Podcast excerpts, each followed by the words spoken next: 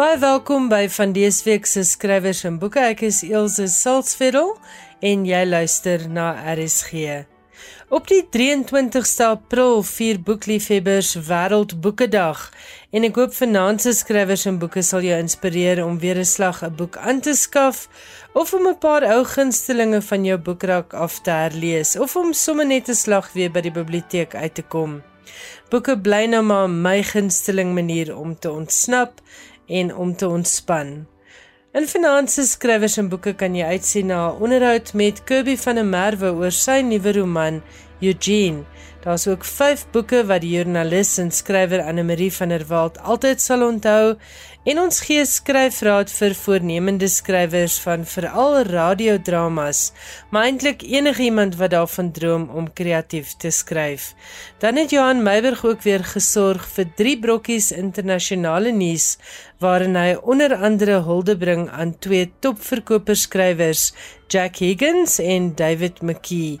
Daar's ook meer inligting oor Tomb of Sand, 'n aanspraakmaker op vanjaar se Booker International Prys vir vertaalde werk. Ek hoop jy geniet vanaand se skrywers en boeke.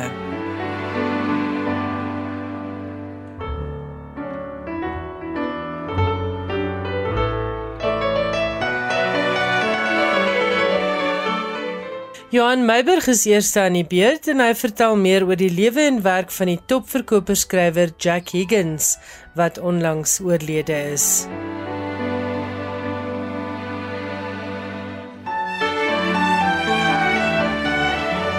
Henry Patterson, die man wat bekend geword het as die Britse skrywer Jack Higgins, is vroeër van dese maand dood in die ouderdom van 92. So wat 50 jaar gelede het hy die wêreld aan die praat gehad met sy roman The Eagle has Landed, 'n boek waarvan meer as 50 miljoen eksemplare verkoop is en wat in 1976 vervul is met Michael Caine, Donald Sutherland en Robert Duvall in die rolverdeling. Die boek was Higgins se 35ste roman. Sy eerste roman in 1959, Sad Wind from the Sea, het hy onder die naam Henry Patterson geskryf, maar daarna ook skrywersname Martin Fallon, Hugh Marlowe en James Graham gebruik. Sedert 1980 en tot en met sy laaste boek, The Midnight Bell van 2016, het hy deurgangs onder die naam Jack Higgins geskryf. Altesaam het hy 77 romans geskryf, en so te sê elke jaar 'n nuwe boek op die rak gehad. Dat hy besonder populêr was en dat jy sy boeke op die rakke in omtrent elke lughawe kon kry, het nie beteken dat Higgins altyd en oral gereken is as 'n goeie skrywer nie. Oor sy topverkoper van 1986, Night of the Fox, het die New York Times byvoorbeeld geskryf: "Die boek het 'n verhaallyn wat so dik is dat dit dreig om te stol."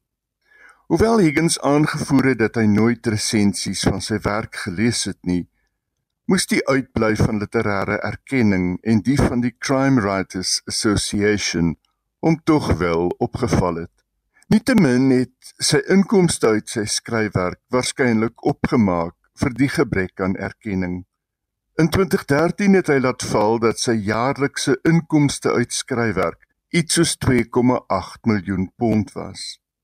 Higgins het tot en met sy dood op die Jersey eiland gewoon nadat hy daarheen uitgewyk het toe superbelasting hom begin bedreig het.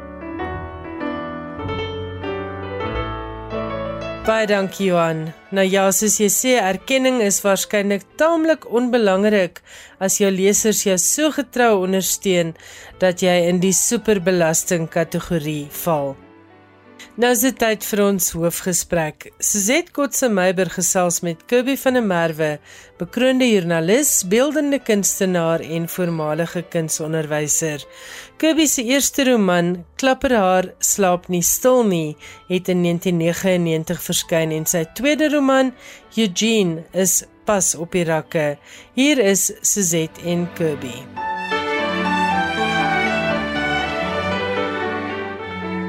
Baie welkom by Skrywers en Boeke. Dis 'n plesier om hier te wees. Ons gesels oor jou tweede boek nadat jou debuut reeds in 1999 verskyn het. Maar jou heel eerste publikasies was gedigte. Wou jy van kleins af 'n skrywer raak? Nee, geen sin. Ek het altyd geteken as 'n kind en ek wou 'n kunstenaar word. Dit is die enigste ding wat ek wou word eintlik. En toe het ek vir toeval gedigte begin skryf. Maar regtig soos in die kruipstadium, eers 'n sinnetjie, wat ek nou noem 'n sinnetjie versie, later 'n versie en die goed het toe aangegooi en ek het ingedien uiteindelik toe hulle vra vir nuwe stemme. Toe ek nou eers gepubliseer het nuwe stemme, toe verloor ek al my belangstelling in in, in gedigte te skryf, ek kortverhale. Met die kortverhale klaar, toe dink ek maar hoe moeilik kan dit wees om 'n roman te skryf? En dis nogal baie snaaks want ek het 'n roman gevat en uitgevind 'n roman is omtrent so 200 bladsye. Ek dink ek uh, as ek 10 bladsye 'n dag kan tik, dis nou met die tikmasjien dan is ek in 20 dae klaar. En toe probeer ek dit en ek het so die rowwe ding toe klaar gekry in 20 dae. Ja. Sjoe. Ja. En hoe lank was daar toe nou nog werk om 'n boek te kry? Klapperaars slaap nie stil nie. Ja, kyk, dit was 'n dit was op 'n uh, tikmasjien geskryf en ouer mense wat in die begin van rekenaars gewerk het. Uh val in die uitgewersbedryf. Die uh, toe ek dit oortik op 'n uh, rekenaar toe gebruik ek die ou Zaire program wat ek baie verlief was. Ek wens ek kon dit nog steeds gebruik. So klapper was getik op 'n tikmasjien en toe op 'n elektriese gewone tikmasjien toe elektriese tikmasjien toe op Zaire en toe op Windows. En uh en ek in die proses het ek hom natuurlik verloor die hele roman soos die ou storie is en toe moes ek hom van oorskryf. En uh die ironie is toe kry ek later dele van die ou roman sou hy was. Maar die stukke wat ek net geskryf het, koud geskryf het, soos mense nou sê, dit het vlot verloop en is beter as wat die oorspronklike was. So dit was 'n Dit was goed dat die boek eintlik dat ek dit eintlik verloor het. Jy het alreeds genoem dat jy van kunstig af kunstenaar wou word en jy het ook. Jy werk as 'n beeldende kunstenaar. Daai treffende vignet van die Bobbejaan wat by elke hoofstuk in jou boek gebruik word, is deur jou gedoen. Is daar vir jou in die kreatiewe proses enige ooreenkoms tussen kuns en skryf? Vir my is die ding amper een. Ek sê altyd dis amper soos 'n bal wat in die water probeer druk. As jy 'n bal in die water druk, gaan hy iewers uitkom. So gou as jou hand lig. So as ek byvoorbeeld 'n arm of 'n hand verloor, dan gaan ek met die ander hand tik en teken. So kuns kom vir my verskriklik maklik. Ek kan ek kan teken in my slaap. Maar skryf eintlik makliker. Ek het dit te laat agtergekom. So ek sien my nog steeds as 'n beeldende kunstenaar. Maar ek moet al meer begin dink aan myself as 'n skrywer, want skryf kom regtig makliker as beeldende werk. Dis interessant want jou skryfstyl kom so oor as 'n uh, iemand wat maklik skryf as ek dit so kan stel en daar's baie skrywers wat weer sê skryf is vir hulle moeilik. Ek het byvoorbeeld met jou baie goeie kortverhale gewerk in die uh woordfeesbundels. So ek kan getuig daarvan dat jou skryfwerk glad is. Jy was toe nou ook jare lank joernalis en jy's verskeie kere vir jou artikels bekroon. Hoe verskil dit om nie fiksie te skryf teenoor fiksie te skryf? Fiksie is moeiliker. Ek dink baie mense is onder die wan indruk op ek dalk. Ek weet fiksie is verskriklik moeilik. Nie fiksie het ten minste iets om aan vas te hou. Het 'n tydlyn. Jy het navorsing. By fiksie kan jy navorsing doen so lank soos jy wil. En dit is een van die redes ek dink waar ek ook miskien myself terughou het. As jy te veel navorsing doen of jy twyfel of jy seker goed onthou. Veral ek wat in die journalistiek kom van navorsing is alles dan kom jy nie by die om daai navorsing om te sit tot fiksie nie. So as ek vinnig na Eugene toe kan spring. Ek gaan nou 'n vraag van jou vooruit loop, want mense dink altyd maar die detail daar is so fyn en dit dit vlot so. Ja, ek het lank gelede so 'n um, roman begin en net notas begin maak. En die rede hoekom ek dit nooit ingedien het aan 'n uitgewer is omdat ek kon sien is nog navorsing. Dit is nie 'n roman wat regtig uit die bodem uitkom uit van iewers af kom nie. So watse navorsing het jy vir Eugene gedoen? As ek vir iemand kan raad gee of as ek my lewe kan oor hê, sal ek 'n dagboek hou. Want jy vergeet alles, dink ek. Jy dink jy onthou tot jy tot jy by 'n punt kom. Die ironie is natuurlik dele wat ek gedink het ek kan nie onthou nie of dit gaan verskriklik moeilik wees. Dit is goed dat in daai boek maklik vlot. 'n Mens onthou meer as wat jy kan dink. As jy eers die draad het en jy begin torring in die draad, dan kom daar die heeltyd. Sien jy dit trein, daar's 'n 'n 'n hakie en jy begin torring. En dan kan jy daai hele try uittorring. So dis amper vir my die om, omgekeerde van die boek. Ek begin torring en ek torring, maar ek is eintlik besig om die ding te brei die kant. So en uh, as 'n skrywer self is 'n mens nogal verbaas oor die goed wat daar uitkom. Ek kan byvoorbeeld vir Eugene lees as of ek hom nie geskryf het nie. En dan sien ek goed wat daar verskyn het wat ek net geskryf het. As iemand daarna kyk, hulle dink maar dis beplan. Die fynere verwantskappe met goeder, hoe speel die storie uit? Sulke motiewe, jy het 'n motief neergelê in die begin en hoe daai motief deurgetref word na die einde toe. Maar dis nie beplan op 'n stuk papier nie, dit het net gekom. Ek ek self sien dit as ek nou die boek lees of die teks lees, dan sien ek dit eintlik. Sal jy sê Eugene is 'n boek wat basies 20 jaar gevat het om gemaak te word? Ek dink tog so ek wou ek het onmiddellik na Klapperaad begin notas maak vir 'n ander boek. En toe het ek 'n groot idee gehad om so 'n groot sweeping boek te skryf van die in 3 dele. Die boek 1, boek 2, boek 3 en dan groot, jy weet amper soos 100 years of solitude tipe van boek te skryf. Dit het nie gebeur nie en soos ek ek was mos nou na hulle en dan het ek uitgestel ander goed gedoen en toe het ek vergeet van die oorspronklike idee van die boek. Die ironie is dat die Eugene se nou verskyn toe ek nou met COVID regtig gaan sit en werk en vergeet van die ander goed. Is die boek daai sweeping 100 years van Eugene. Dit lyk of dit nou plaas van in hy in hy kort tyd, maar hy hy gaan so terug na in sy geskiedenis in. So dit is nou een boek met daai drie boeke en daai 100 jaar vasgevang in daai boek. En dit strek ook oor jou hoofkarakter Eugene se basies sy hele lewe tot sy, in sy laat 50s. Ja. So dis voel vir my ook 'n boek wat jy as skrywer eers later in jou lewe moes skryf. Ja, ek ek ek sou ek sou hom 20 jaar gelede geskryf het. Ek dink hy sou veel verskil het nie op die idee wat ek gehad het nie. Maar ek dink daar was nie tyd nie en 'n mens moet regtig 'n ding deur dink of wat ook al in jou onderbewuste. Kyk, baie skrywers sê jy moet 'n uh, groot kaart teen die muur hê en jy beplan elke karakter se lewe. Dit het nie so gebeur nie. Ek het regtig gaan sit en die groot romanwedstryd se sluitingsdatum was daar En tussen COVID se begin en toe het ek die ding deurgehamer, jy weet so van 'n kant af wat 'n baie goeie ding is. So sommige mense gaan sê jy gaan in die in jou onderbewuste of sommige mense sê jy channel in die eter uit. So die Eugene is 'n is 'n kombinasie van channel uit die eter uit wat in jou kop val en uit die onderbewuste uit werk, jy weet so. Jy sal sien ook uit daai twee spanninge wat dit wat in die onder in die amper so letterlik in die onder die grond die donker stroom wat daar is en goed wat uit die lig uitkom. Ja. Daai wortel en stok benadering van kompetisies is altyd vir my so interessant want die wortel is daar, die feit dat jy 'n prys hopelik kan wen en prysgeld daarmee saam wat altyd welkom is en die stok is daai sperdatum. Ja, die ander ding is ook ek word ouer. Wat ek nou self sê van die mens besef nie eintlik nie dat jy ouer word en ek het besef 23 jaar, 20 jaar later is nogal Uh gelukkig is die sperdatum daar. Anders het ek dit weer uitgestel want jy wil beter doen. Ek dink miskien moet ek dit doen. Maar so jy's gedwing om net te gaan sit en jy weet hoeveel hoeveel woorde per dag jy sal moet deurstoot om by 80000 woorde te kom of 100000 woorde te kom. Ja. ja, gelukkig vir jou want in uitgewery sal mense ook altyd sê probeer maar om daai debuut uh so gou as moontlik op te volg met 'n tweede boek want dis eintlik eers van die tweede boek af wat die skrywer se naam by lesers begin vassteek.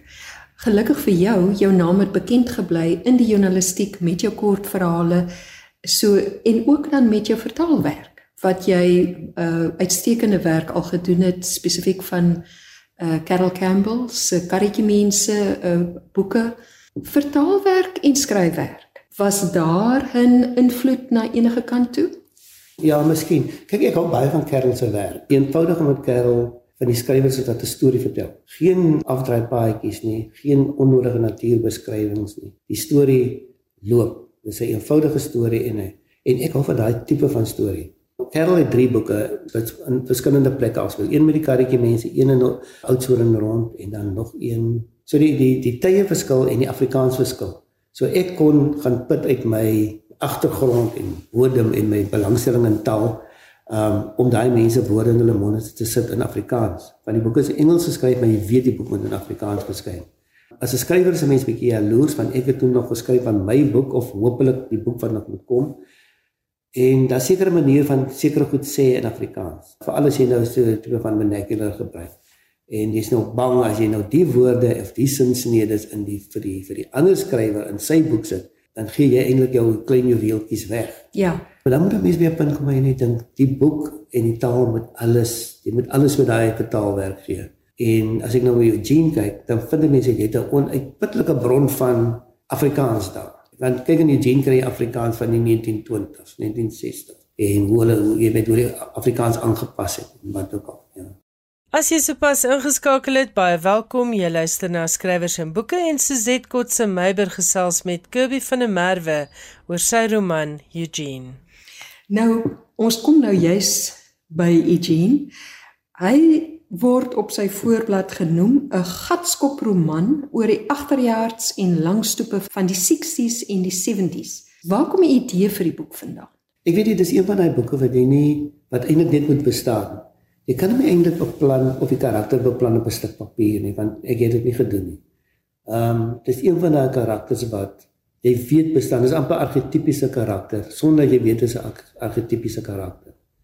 En ehm um, ek wou aanvanklik uh soos uh Klapperaar byvoorbeeld het ehm um, vroulike karakters, sterk vroulike karakters.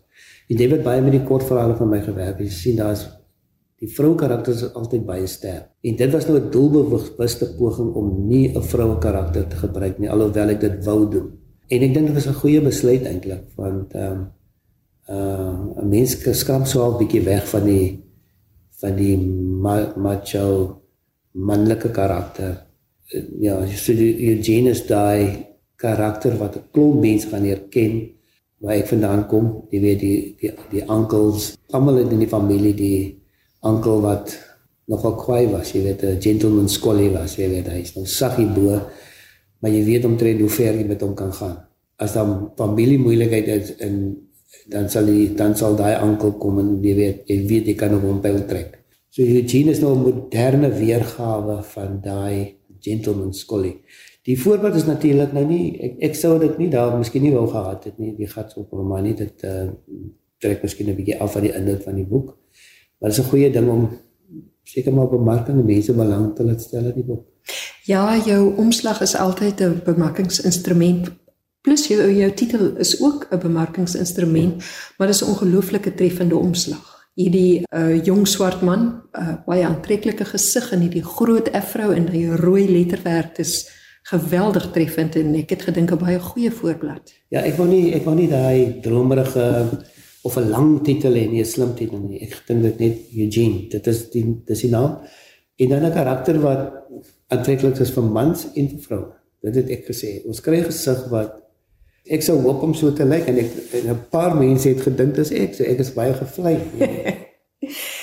Ehm um, teenoor Eugene staan Ellen, sy vriend van sy vroeë kinderjare af. En dit gaan oor 'n vriendskap, maar dit is 'n baie ambivalente vriendskap. Brei so 'n bietjie uit oor Eugene en Ellen. Ek dink almal dit is 'n ek dink amper ehm, 'n um, gemeenplaas waar jy jou beste vriend is gewoonlik die persoon wat die meeste trauma en die die meeste probleme veroorsaak wat gif van jou versprei want hulle weet presies waar jou jou swak plekke lê en hulle ken al jou geheimpies en as daai goed uitlek is gewoonlik die vriend wat die goed uitlek of vir iemand sê wat om te doen. In die geval is dit 'n is 'n klasse wrywing plus 'n standwrywing plus 'n klomp goed weet uh, wat saamwerk in die ek dink miskien sal ons sê maar nou Afrikaners in die ou dae onthou as jy na die plaas gaan en dan is daar bywoners op die plaas wat moet spring soos jy jy weet soos jy dit wil hê. En dan 'n geslag of twee later dan is die hele wêreld eintlik omgekeer dan is die bywoner se kind is nou die een in beheer en die ander mense het op een of ander manier het hulle die geld verloor, die plaas verloor en status verloor. So dit is amper iets dieselfde. Ek meen dit is maar 'n universele ding, jy weet daai wasmasjien van hoe stand en status en goed verander die hele tyd. En ek dink dit is ook so 'n bietjie van so iets, ja. So dit speel 'n klein rol in in Eugene. Daar's natuurlik 'n klomp ander goed.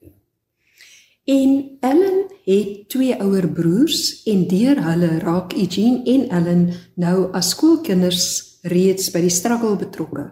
Vertel meer oor daardie struggle deel want dit is 'n groot deel van die boek. Die karakters se deelname aan en belewing van die struggle. Ja, kyk as jy daai tyd groot geword het, sê uit die soos hulle nou ehm um, laat 50, 60s, dan is dan is hulle eintlik middel die groot struggle gebore. Dit is nou van die naoorlogse, kom ons noem dit maar net struggle tot 1990. Dis deel daarvan. So of jy nou aan die struggle deelneem, jouself 'n um, aktivis noem, jy bly in daai selfe kookpot. En hoe dit uh, uitwerking het op vriende en mense en die, en omstandighede. Almal was natuurlik hoogs en al die skole was hoogs vir politici. Nie hulle mense nou sê nie vir politiseer nie. Maar mense kom ons sê nou ja, groot geword in die in die in 'n wêreld van aktivisme, sosiale aktivisme en later militêre aktivisme. Ja. Maar soos Eugene self sê, hy is nie aktivis nie. Hy is maar net daar in die ronde. Maar hy meng en hy skier skouers die hele tyd met die aktiviste en politieke agitators soos hulle sê. En so kom word daai hele geskiedenis saamgevat deur Eugene eintlik. 'n Geskiedenis nog eintlik opgeskryf sover ek weet nie, nie in fiksie nie. En 'n deurlopende tema is dan die liefdesdriehoek wat ontstaan tussen die twee vriende en Jenny wat saam met hulle groot geword het. Wanneer Eugene nou in 1980, hy het nou klaar gestudeer, kom hy in Heelbrau aan. Ellen is reeds daar. Hy en Jenny is nou 'n paartjie en hulle bly in dieselfde woonstel uh, saam met 'n klomp kamerads. Maar dan begin Eugene nou 'n verhouding met Jenny. Wat is Eugene se fascinasie met Jenny? As jy Eugene lees, jy sien waar hulle vandaan kom want daar is 'n hele stuk geskiedenis. Dan sien jy eintlik dat hy ken vir Jenny eintlik vandat sy 'n babatjie is en die families en die goed. So hy het 'n tipe van fascinasie daarmee. Ek dink nie is eintlik so liefde nie. Dit is 'n uh, ehm um, hoe sou 'n mens fascinasie beskryf eintlik? Maar hy definitief 'n um, hinkering na en 'n uh, tipe van bewondering ook van al die vroue wat ek eintlik seker gesê het skryf is gewoonlik baie sterk vroue en hy het daai bewondering vir sterk vroue alhoewel sy nie so voorkom jy weet hy dit hy voel dit aan. Maar sy is heeltemal onbewus van hom en hy kan nie glo dat vir iemand soos sy beste vriend sou val nie en hoe het hulle by mekaar uitgekom. So dis ook 'n groot deel van die boek. Hoe het daai twee wat nooit eens na mekaar gekyk of bewus was van mekaar nie uh uiteindelik by mekaar uitgekom En dan is die hele storie van verraad eintlik wat 'n groot tema is in Eugene, verraad. Maar verraad van vriende, jy weet, en verraad van kommerheid, en verraad van die hele sosiale struktuur eintlik. En ook die verraad van geliefdes uiteindelik. Ja, uiteindelik, uiteindelik. Ja. Groot ding dat jy niemand kan vertrou nie, jy weet. Iets waarvoor jou boek beslis onthou sal word, is die rol wat die diamond speel. En dit word uitgebeeld as 'n Bobbejaan wat Eugene van kunstig af op sy rug saamdra. Waar het jy hierdie briljante ingewing van die Bobbejaan, die Diamond Bobbejaan gekry? Ek het in die Parel groot geword. Ek ken die wêreld, maar dis nie dit is fiksie, dis nie eintlik autobiografies nie. Mense wil graag hê mense moet dink dis autobiografies en van dit maak dit baie sterk, die verhaal sterker. So ek het dit beleef, ek ken die wêreld. Ehm um, ja, om se terug te kom na jou vorige vraag toe, Eugene, Ellen, hulle was klein maar hulle het besef hulle lewe in interesting times nie. Hulle lewe eintlik in die geskiedenis self wat later in die boeke opgeskryf gaan word, maar hulle het dit nie toe besef nie. Maar om terug te kom by die demon van die Bobbejaan, ek het geskryf soos ek gesê het op 'n punt gaan sit en net begin skryf. En die idee van die Bobbejaan het van self gekom. So karakters het hulle aangemeld wat ek nie eens gedink het en hulle ooit in die boek gaan kom nie. En die Bobbejaan het hom ook self aangemeld Ek is een van die mense wat as 'n ding homself aanmeld, moet jy nie amper 'n gegeewe perd in die bek kyk nie, alhoewel dit nou Bobbejaan is nie. So jy moenie gegeewe Bobbejaan in die bek kyk nie en ek het die Bobbejaan gevat. Wat 'n baie goeie idee was eintlik, die ou einde. Die Bobbejaan is ag as 'n mens so half in die ghetto woon of in die ek dink in Afrikaans in elk geval is altyd daai donker stroom van die waterslang of van 'n Bobbejaan, maar vir alle Bobbejaan wat nog hulle rondspeel, hy hy hy hy, hy vibreer altyd maar so in die in die agtergrond. Ja, en dit is so interessant waar Eugene as kind die eerste keer die Bobbejaan ervaar, is na daardie ervaring van wreedheid met die klomp kinders uit die buurt wat iemand se perd met klippe doodgooi en daar verskyn met daardie gevoel eh, daardie uitbeelding van wreedheid plus die skuldgevoelens wat met dit saamgaan hier verskyn die Bobbejaan vir die eerste keer in in Eugene se lewe. Ja, hy was so ek dink ja, Eugene was omtrent so 5 6 kom ons sê maar 5 rond wees wanneer jy nou kan seker goed onthou en jy weet nie hoe om dit te verwoord om dit te verwerk nie. Kyk, dis 'n tyd voor sielkundiges en die tipe van goed. So hoe kan daai breedheid verwerk? Maar daar was 'n werklike Bobbejaan ook as jy nou in jou ja. kyk. Se Bobbejaan wat sit op 'n paal by wat hulle in die Kaap sou sê of in die Parel in die plek sê 'n houtjaar.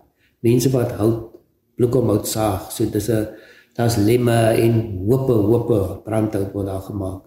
En mense wat in Parel was onthou daar was so houtjaar. So as 'n kind het ek persoonlik so Bobbejaan by 'n houtwerf sien sit met 'n ketting, jy weet, wat hy oprol op soos derms in sy in sy skoot en daarmee sit bo op die paal. Ja, en ek dink wat die Bobiaanse gebruik so geslaagd maak is dat jy hom in die werklikheid grond met daardie twee werklike gevalle, maar dit is ook duidelik 'n sielkundige aspek. So dit werk uit 'n letterkundige oogpunt uitstekend. Ja. Nie maar die Bobiaan, ek ek het nie eintlik bedoel om 'n demon te gebruik nie. Ek het nooit these dark materials gelees nie waar die demons voorkom elke persoon een het nie. So dit was absoluut 'n toeval. Want iemand het, het vir my later dit uitgewys dat dit sê ek ja, dit is nogal Eugene se demon daai die Bobian. Daar's ook heelwat verwysings na bonatuurlike verskynsels soos die Tokolossi ja. en die shapeshifters. Vertel meer daarvan want dit was vir my so interessant. Ek dink baie mense, baie families, mense uh, ons praat van 'n tyd voor sielkundiges en voor medical aid, jy weet, waar mense boere rate gebruik het toe daar nie elektrisiteit was nie met kersse. Die slim mense was nog daar. Soos hulle in die ou dae net gesê toordokters. Jy weet daar was toordokters winkels en hierdie wat wat ons as kinders altyd verbygeloop het en die storie was as jy verbystap, hou jou mond toe. Dan as iemand jou tande tel, dan kan hulle jou toor. Uh, en daar was dan natuurlik baie stories gewees met uh mense wat ook lossies aanhou en 'n trommel op die kas, daai tipe van goed. En goed wat gebeur wat mense nog altyd sê as daar boosheid gebeur, dan dink hulle altyd wat is die oorsaak daarvan? Wie het ons getoer? Daar daarmee wil ek nou nie sê dat uh, toordery en die geloof in toordery is nou, jy weet, daar onder die mense nie. Maar daar is tog mense en stories wat maar altyd so rondgegaan het. En 'n mens stel dit as 'n kind tel jy die stories op en daai stories so jy gesê het net van self uitgekom. En daar's van die ouer karakters in die boek, soos ou Bitterhout. Deur hulle vertellings kom daar dan ook die Eerste Wêreldoorlog en die Tweede Wêreldoorlog word deel van die vertelling in die boek deur die Kaapse korps ja. wat hy deel van was. Wou jy doelbewus hierdie geskiedenis saam met die struggle geskiedenis plaas? Ek het nou 'n hele paar skrywers gesien. Kom ons sê nou mense wat ehm um, uit uit ehm um, my wêreld kom wat die Eerste en Tweede Wêreldoorlog altyd, jy sal sien altyd 'n tema is. En ek dink dit is omdat dit nooit eintlik regtig uitgeskryf is nie. Van mense was betrokke by die Eerste Wêreldoorlog, mense was betrokke by die Tweede Wêreldoorlog en in die Grensoorlog. As jy by die Grensoorlog kyk in boeke wat ek nog gesien het, word die Kaapse Korps of hulle is altyd uit, uitgebeeld as die lei ouens wat hier daar rond hang, weet. Maar in die Eerste Wêreld, Tweede Wêreldoorlog was mense uh, regtig betrokke in in van die groot gevegte, soos in Eugene uitkom. Maar mense moet dit skryf, jy kan dit nie nie skryf nie. Alhoewel my familie self was nooit betrokke in Eerste of Tweede Wêreldoorlog nie. Maar families rondom my en self in die waar ek ook al gekom het as 'n as 'n tiener in die Kaap, Johannesburg oral, so jy altyd gesien die portret van die van die van die pa of die oupa en die paraphernalia van Eerste en Tweede Wêreldoorlog is daar in die huis. Die medaljes is daar. 'n Skrywer byvoorbeeld so A.M. Skols. Hy was betrokke en hy het sy medaljes en dit dit is interessant hoe ja, hoeveel mense eintlik daarbey betrokke was, maar dit nooit geskryf word nie. Mense hoor van die Boereoorlog en jy hoor van dit, maar jy hoor nie eintlik van die betrokkeheid van uh die mense in die Eerste en Tweede Wêreldoorlog nie en hulle bydrae nie. Vir my was dit baie interessant uh, hoe jy jou boek gebruik het om 'n uh, groot verskillende klompe geskiedenisse in te sluit. Soos nou hierdie, maar ook sosiale geskiedenisse op verskillende vlakke. Iets wat ek byvoorbeeld nie geweet het nie is die omtrent 800 Italiaanse krygsgevangenes wat daar in die Parel omgewing op die plaas was. Ek het nie geweet daarvan nie. Ja, maar die maar die vertelling van die krygsgevangenes Dit is 'n vertelling van my ma. So dit is 'n ware vertelling en 'n ware kyk na Italianers. Dit is nie 'n versinnende idee nie. Dit is ware onthou van gebeure.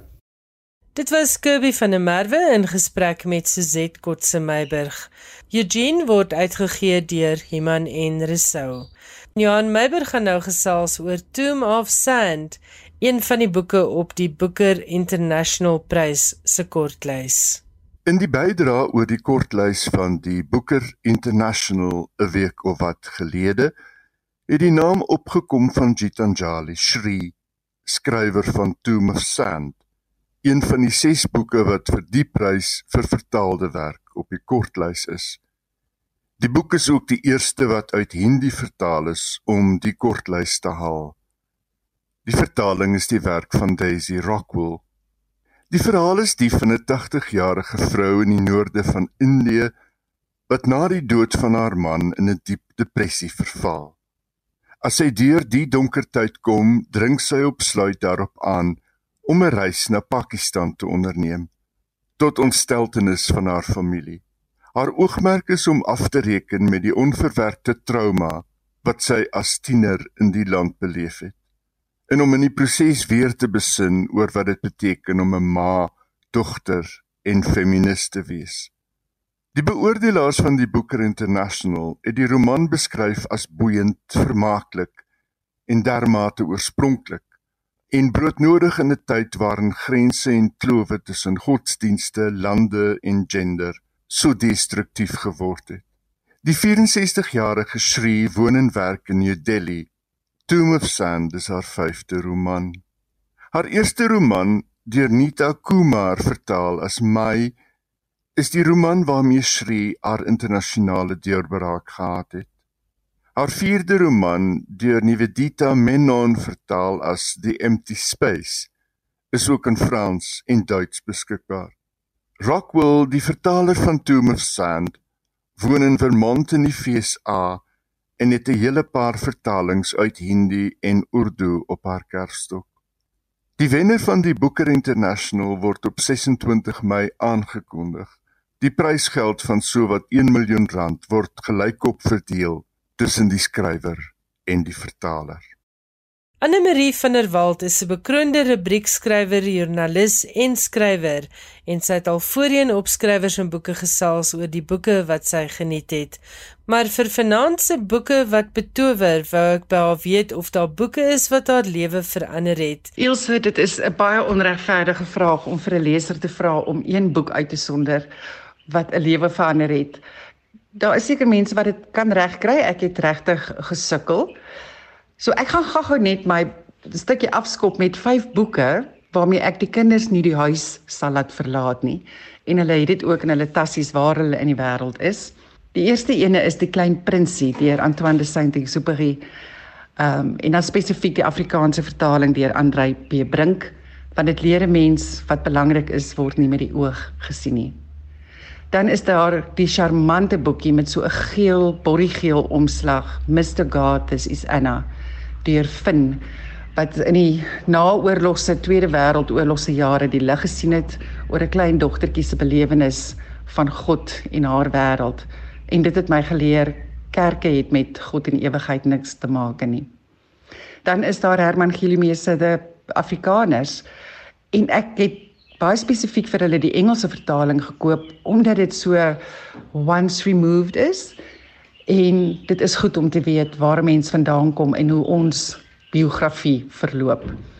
Dan is daar natuurlik Clarissa Pinkola Estes se boek Women Who Run with the Wolves.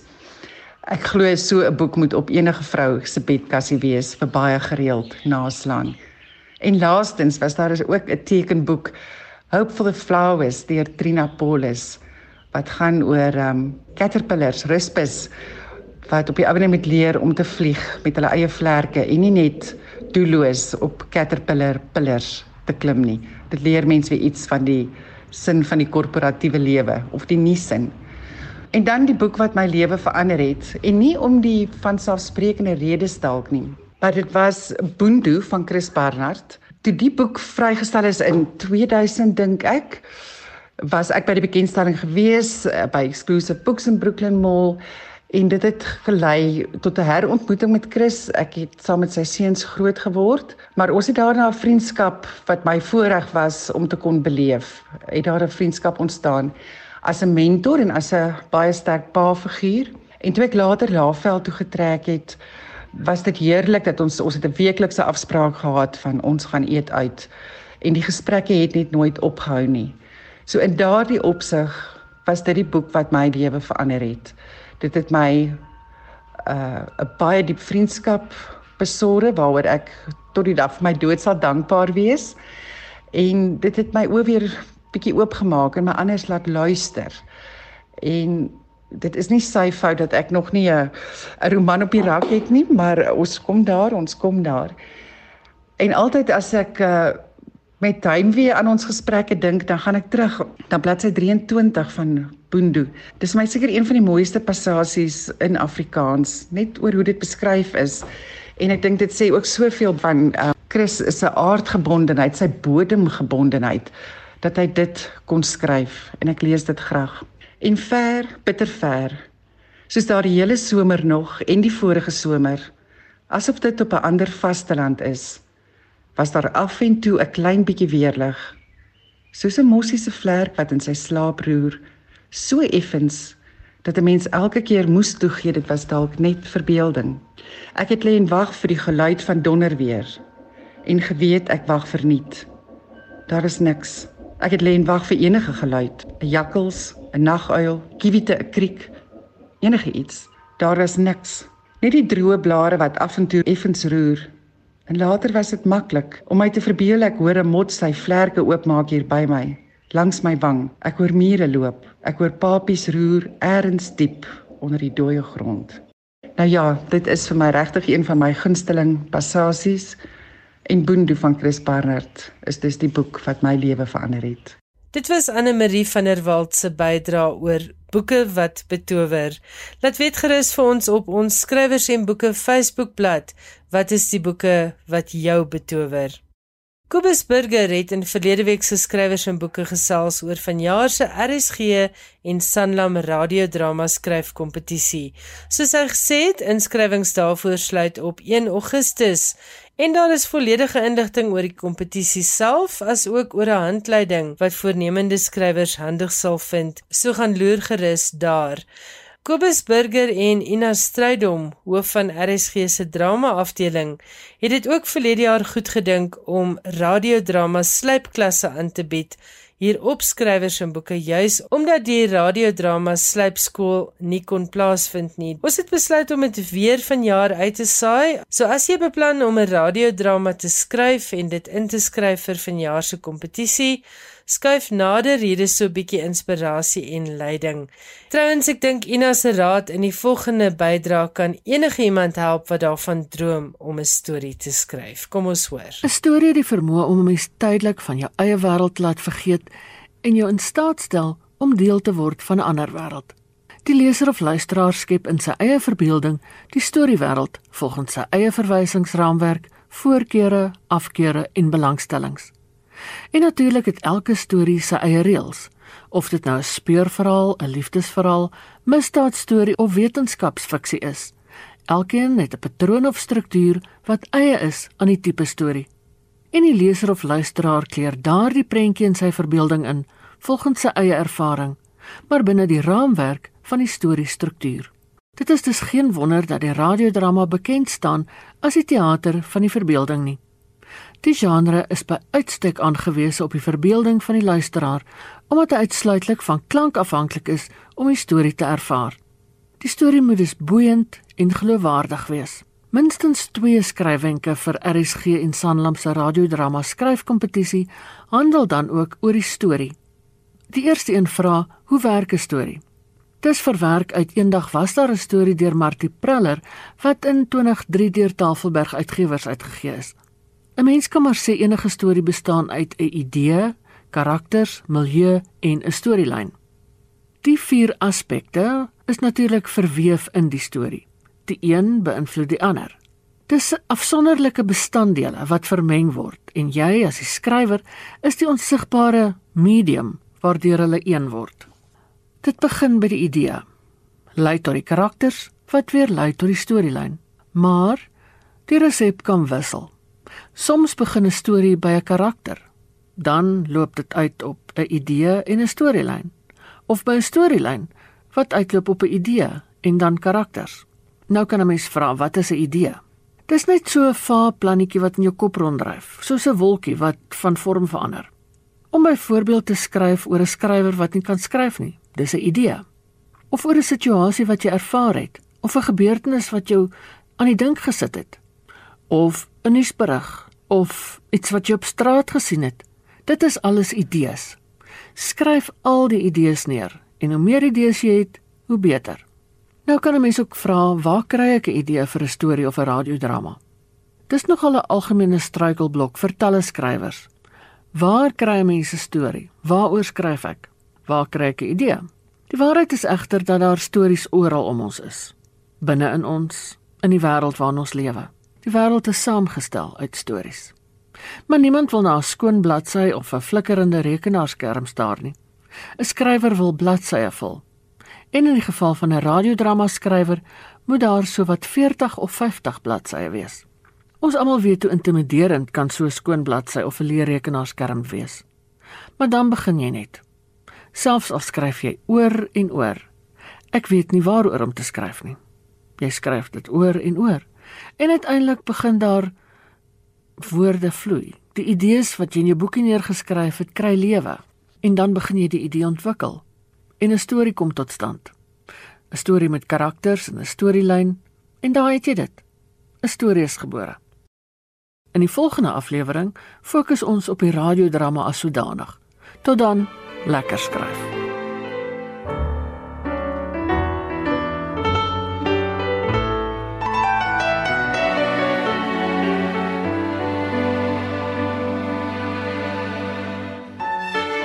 Baie dankie Ina Strydom. Volgende Woensdag aand kan voornemende skrywers luister na nog 'n radiodrama slypklas. Nou gaan Johan Meiburg vir ons die program afsluit met 'n insetsel oor die kinderboekskrywer en illustreerder David McKee. En kinderboekliefhebbers sal onthou hy is die skepper van Elmer die olifant en 'n paar ander gewilde kinderboeke. David McKee, die Britse illustreerder en skrywer van kinderboeke is onlangs dood in die ouderdom van 87. Hy is in Frankryk dood waar hy by tye in Provence gewoon het. McKee was veral bekend vir sy Elmer reeks met die eerste boek wat in 1968 verskyn het. Dis die stories van Elmer the Patchwork Elephant waarmee hy bekoor het. Lesers kom Elmer te as 'n olifant met 'n vel wat bestaan uit haas al die kleure van die reënboog. Hy is dol oor poetsebak en is ook 'n aangename en optimistiese dirasie. In een van die stories besluit Elmer op 'n dag om homself grys te verf sodat hy nie so sal uitstaan nie. Sy oogmerk om een van die trop te word.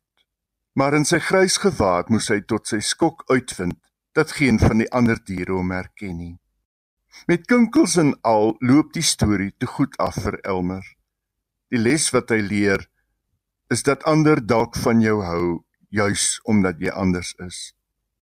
Elmer is in 1989 opnuut geïllustreer en uitgegee en meer as 10 miljoen eksemplare van die boek is verkoop.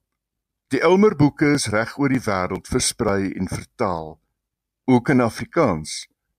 By Protea het Elmer alweer Elmer en Elmer opstel te verskyn.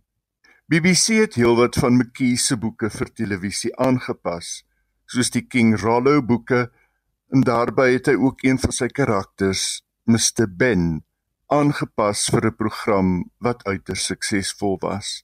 Benewens sy eie boeke het hy ook boeke van ander skrywers geïllustreer, soos Michael Bond se Paddington Bear boeke. McKee is in Devon in Engeland gebore en het aan die Kunskollege in Plymouth studeer. Sy werk het dit moontlik gemaak om die wêreld plat te reis en langtye in Barcelona, Nice, Parys en Italië te vertoef. In die laaste jare het hy om die beurt in Londen en die suide van Frankryk gewoon. In 1987 is hy vereer met die Duitse Jeugletterkundeprys en in 2006 is McKee benoem vir die Hans Christian Andersen prys. In 2020 het hy van die Book Trust 'n prys ontvang vir sy lewenslange bydrae tot kinderboeke. By die geleentheid het hy gesê: Kinderboeke kan daartoe bydra om mense se ingesteldheid te verander en help om kinders se wêreldbeskouing te vorm. Prenteboeke is kinders se eerste blik op die kunswêreld. En in sekere opsigte, veral met my boeke, is die illustrasies belangriker as die storie. Hier is David McKee aan die woord. Once you can read, you've got the independence uh, for for almost everything as far as learning things is concerned. So it's just that pleasure of books, uh, es- escaping into books. And sometimes I think people forget that children's books, because uh, I've heard writers say uh, when they're asked, What do you do? and they say, Oh, I write, but only children's books. And they forget that uh, it's the children's writers who form the readers, give the passion for reading for the future, for the uh, adult readers that are going to come. The traditional book for me is still something which you become physically involved with. I love that feel of paper, the smell of uh, paper. I, I enjoy both when I'm writing. I enjoy the writing and probably want to be illustrating and, and vice versa. I was painting, and my paintings were very influenced by Paul Clay, the, the squared up colours, and, and I loved his drawings, uh, and he's always and still is a big influence on, on me, I think, as are a lot of other people. Uh, and at the same time, I was drawing cartoons for newspapers, and I often drew cartoons uh, with elephants in. I quite like drawing elephants; they can be quite fun. And there's got a, there's a sympathy uh, about an elephant. And one day, I happened to draw an elephant, and then I drew. I perhaps I didn't have a canvas, but I I, I did uh, the patchwork on the elephant, uh, and Elmer was born. Daardie stem het behoort aan David McKee, wêreldbekende en bekroonde Britse kinderboekillustreerder en skrywer wat onlangs oorlede is. Ek hou baie van sy stelling dat kinderboekillustrasies kinders se eerste blik is op die kunswêreld en ek wil dit so 'n stappie verder neem en sê dit is dalk kinders se eerste blik op die wêreld en 'n wonderlike manier om 'n wêreld vol probleme en negatiewe dinge vir 'n kind 'n bietjie mooier en beter en meer hanteerbaar te maak. En natuurlik kinderboeke maak van kinders lesers. So dit gee vir jou soveel meer redes om vir jou kinders te lees en om te sorg dat die kinders in jou lewe en ook in jou gemeenskap toegang het tot kinderboeke.